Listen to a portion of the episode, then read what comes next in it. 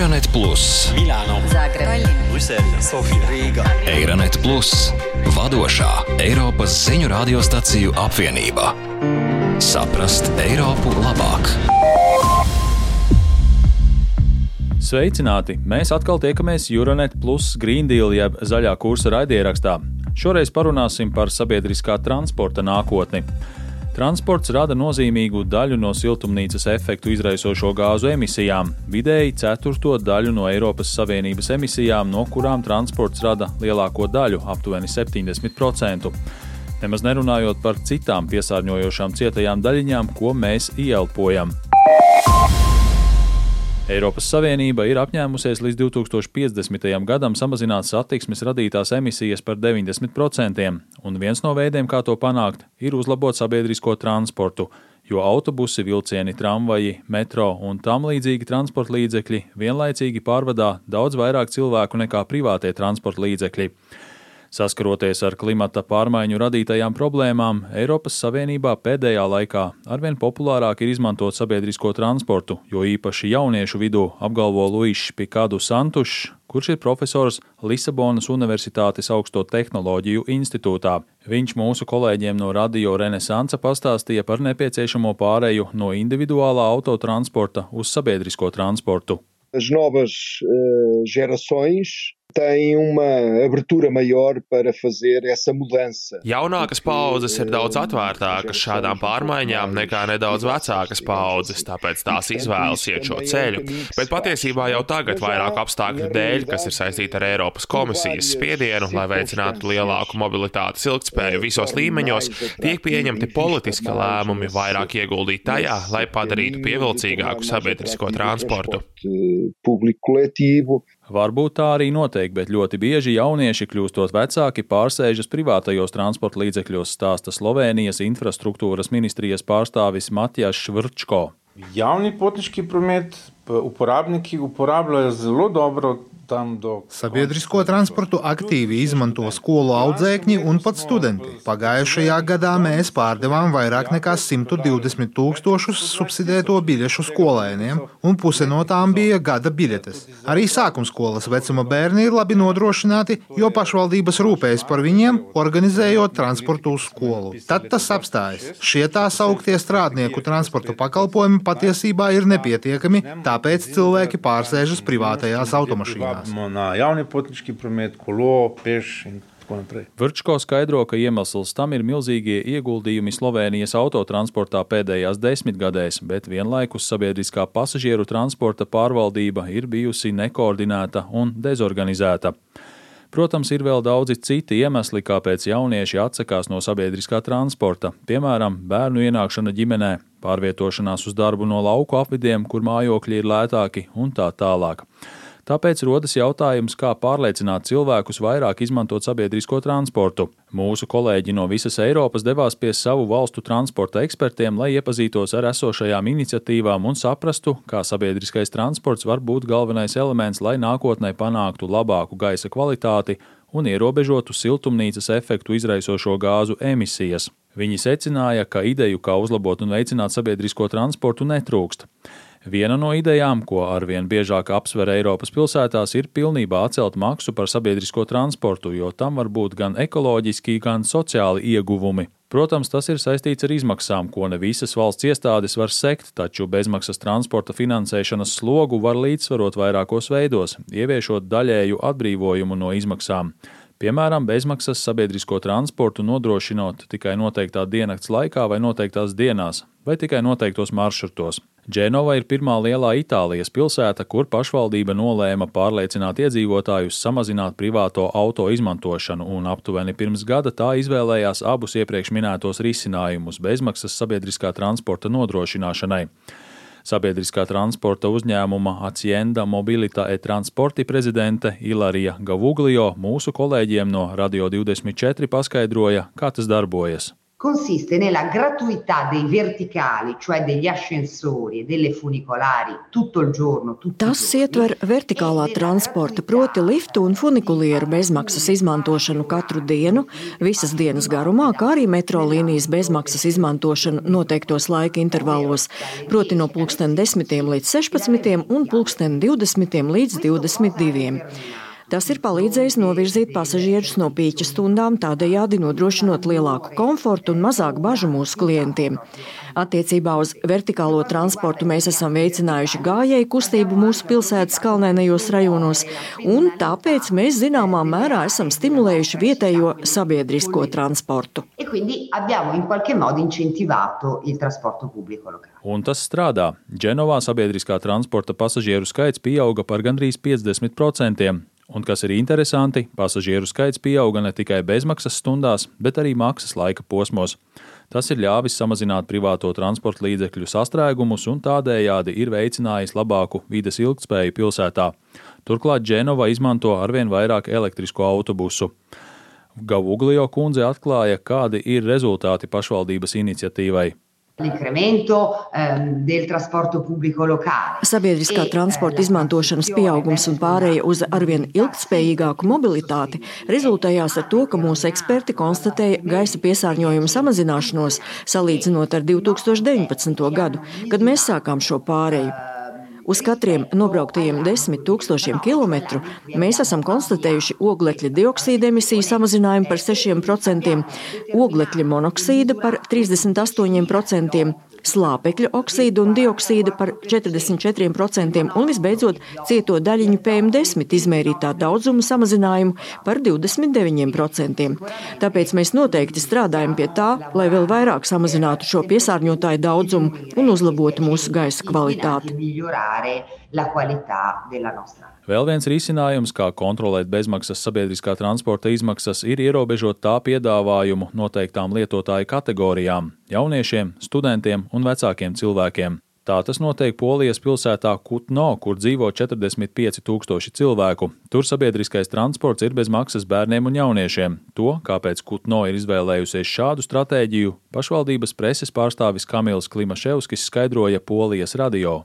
Wprowadzenie darmowej komunikacji dla uczniów szkół podstawowych. Bezmaksas transporta ieviešanai pamatskolu un vidusskolu audzēkņiem bija divi mērķi. Pirmkārt, ekoloģija, jo mēs vēlējāmies panākt, lai vecāki savus bērnus uz skolu nevestu ar auto, bet ļautu viņiem izmantot sabiedrisko transportu, kas Kutno pilsētā ir ļoti labi organizēts. Otrais mērķis bija panākt, lai sabiedriskais transports pārvadātu tikpat daudz pasažieru kā pirms pandēmijas. Bērni un jaunieši bez maksas var izmantot sabiedrisko transportu ne tikai, lai dotos uz skolu un atgrieztos no tās, bet arī, piemēram, lai apciemotu vecmāmiņu, aizbraukt uz veikalu, aizbraukt uz stadionu, spēli vai vēl kādu pēcpusdienas treniņu. Visi šie braucieni ir bez maksas, un ne tikai Kutno iedzīvotājiem, bet visiem polijas iedzīvotājiem.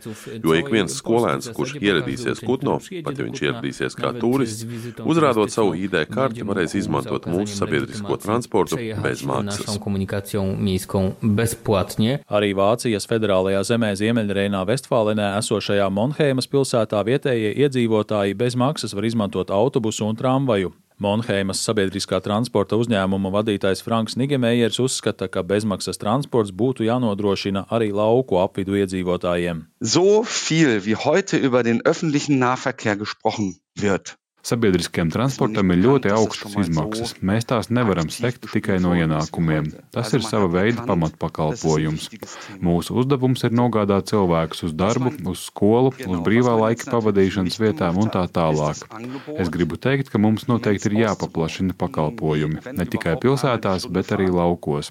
Tur mums dažkārt ir savienojumi, kas kursē tikai reizi stundā, un tikai ļoti nedaudz savienojumi ar tramvajiem un tam līdzīgi. Un, ja es dzīvoju rajonā, kur gandrīz nav sabiedriskā transporta, tad šāda biļete man vispār nebūs interesanta.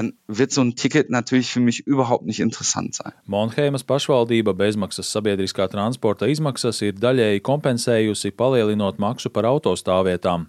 Pilsētas stratēģiju var uzskatīt par veiksmīgu, jo, kā stāsta Franks Nigemējers, 92% no 42 tūkstošiem Monheimas iedzīvotāju ir aktivizējuši savas bezmaksas sabiedriskā transporta biļetes. Tātad ideja par bezmaksas sabiedrisko transportu gūst arvien lielāku popularitāti visā Eiropā. Vairākas pilsētas ir izmēģinājušas šo risinājumu.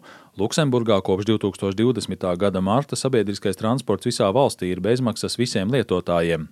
Tallina 2013. gadā kļuva par pirmo Eiropas galvaspilsētu, kas saviem iedzīvotājiem piedāvā bezmaksas sabiedrisko transportu.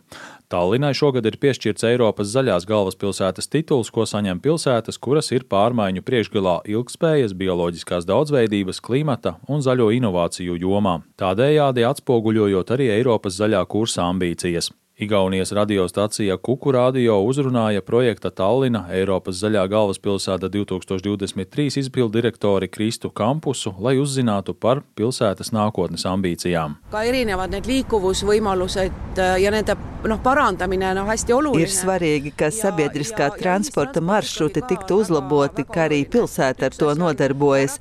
Mums tagad jāskatās uz sabiedriskā transporta līnijām, kā tās padarīt kompaktākas, kā tās uzlabot uzlabot, kā kustību sarakstus veidot tā, lai cilvēkiem būtu ērtāk izmantot sabiedrisko transportu, lai viņiem nebūtu ilgi jāgaida autobuss, lai būtu laba un ērta pārsēšanās, lai viņi varētu ātri un ērti nokļūt no vietas A uz vietu B. Protams, mēs to vēl neesam sasnieguši, bet es zinu, ka Tallina vismaz tiecas uz to. Manuprāt, šis zaļās galvaspilsētas tituls patiesībā ir pātrinājis visus šos procesus pilsētā lauale ja nendega tegeleda ja mina näen, et, et see on ka toimumas. No mūsu žurnālistu veiktajām intervijām visā Eiropā var secināt, ka multimodālais transports tiek uzskatīts par galveno risinājumu, lai padarītu sabiedrisko transportu pievilcīgāku. Kaunas Tehnoloģiju Universitātes elektroenerģētikas un elektronikas fakultātes lektore Neringa Dubovskiene uzskata, ka efektīvāk būtu izveidot plašākas izmantošanas sabiedriskā transporta biļeti, kas būtu derīga gan autobusiem, gan trolejbusiem, gan skrējriteņiem un velosipēdiem. Tādējādi, pēc ekspertes domām, sabiedriskais transports kļūtu ērts, kas viņas prāt ir lielākā motivācija izvēlēties sabiedrisko transportu.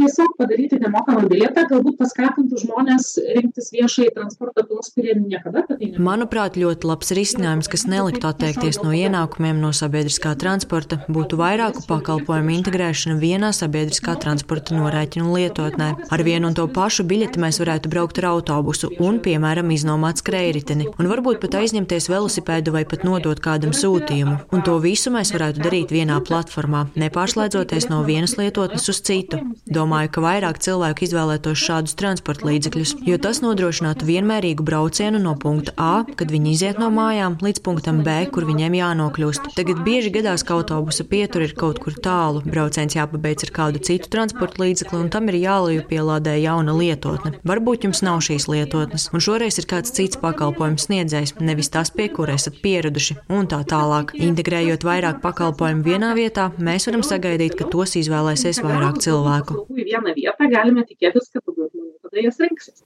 Lai šis multimodālais transporta risinājums būtu patiesi veiksmīgs, arvien lielāka nozīme būs velosipēdiem kā papildu transporta veidam, un tas nozīmē, ka velosipēdi būtu jāpopularizē kopā ar sabiedrisko transportu.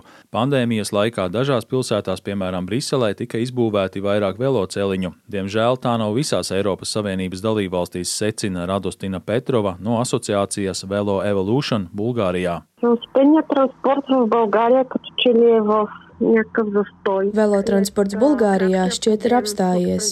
Pēc īsa uzplaukuma pirms dažiem gadiem, kad vairākas Bulgārijas lielās pilsētas sāka veidot veloceliņu tīklu, pēdējos gados situācija ir pilnībā norimusi. Jaunas velo infrastruktūras nav, un mēs neredzam nekādus citus stimulējošus pasākumus. Mēs redzam tieši pretējo. Citās valstīs, īpaši lielajās Eiropas pilsētās, Covid-19 pandēmijas laikā tika īstenoti daudzi un dažādi pasākumi. Tika izbūvēti ne tikai jauni veloceliņi, bet arī sniegts finansiālais atbalsts, lai cilvēki varētu iegādāties un izmantot velosipēdus. Un, lai nodrošinātu vēl lielāku fleksibilitāti un piedāvājumu attālos rajonos, ir pieejams arī sabiedriskais transports pēc pieprasījuma. Tas ļauj cilvēkiem ar mobilo lietotņu palīdzību rezervēt sabiedrisko transportu, piemēram, mikroautobusu. Arī Ilarija Gavuglio no Dženovas uzskata, ka sabiedriskā transporta pēc pieprasījuma nozīme tikai pieaugs. Certamente i servizi on demand, cioè i servizi a chiamata, Protams, pakalpojumi pēc pieprasījuma var patiešām uzlabot teritoriju, reaģēt uz iedzīvotāju pieprasījumu, nodrošināt efektīvus pakalpojumus un pat ietaupīt resursus, kas pēc tam tiek kaut kādā veidā reinvestēti pakalpojumā. Šiem pakalpojumiem ir arī spēcīga ietekme uz vidi, jo tie ļauj netērēt kilometrus, bet gan sniegt efektīvu pakalpojumu, kad iedzīvotājs to pieprasa, kā arī uzlabot teritoriju un zināmā mērā izvairīties no iedzīvotāju skaita samazināšanās.